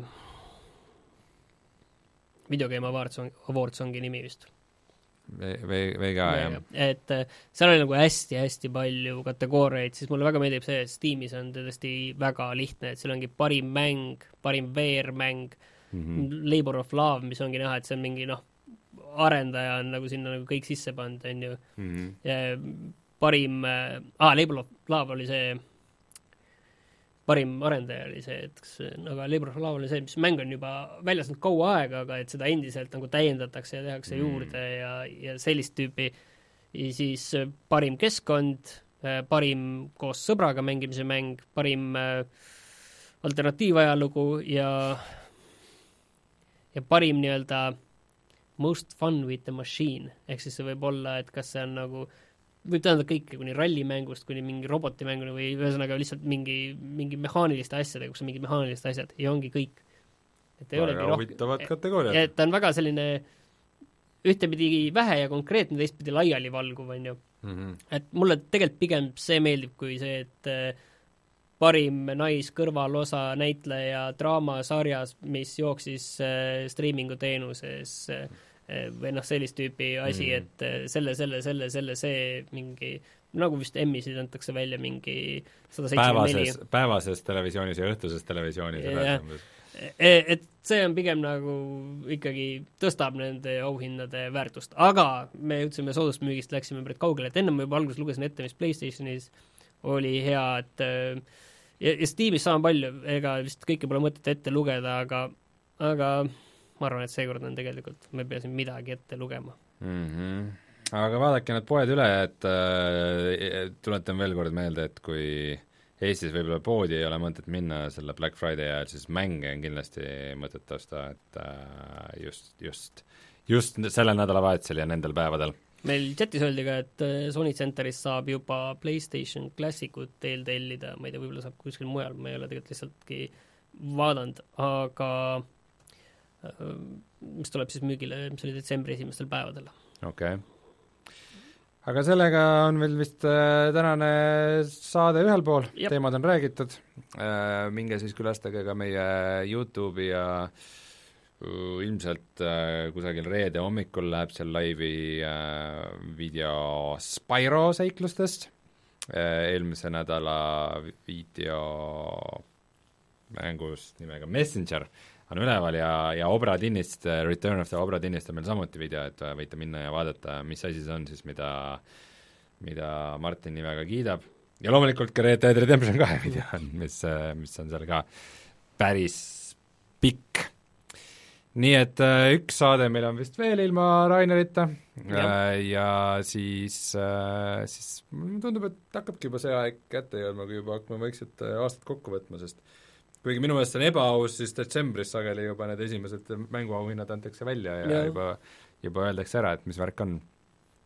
et äh, jah, näis, mis meie endi aastalõpuplaanid on siis seoses eriliste saadete ja kõige muuga. ütlen ära, et Euronixis on ka Sony PlayStation Classic saab eeltellida, hind on küll nagu mõlemas kohas äh, Sony Centeris ja Euronixis on sada kümme, et mitte sada, mis on nii-öelda see tavahind sellel asjal, nagu välja reklaamiti. Äh, sada dollarit siis või?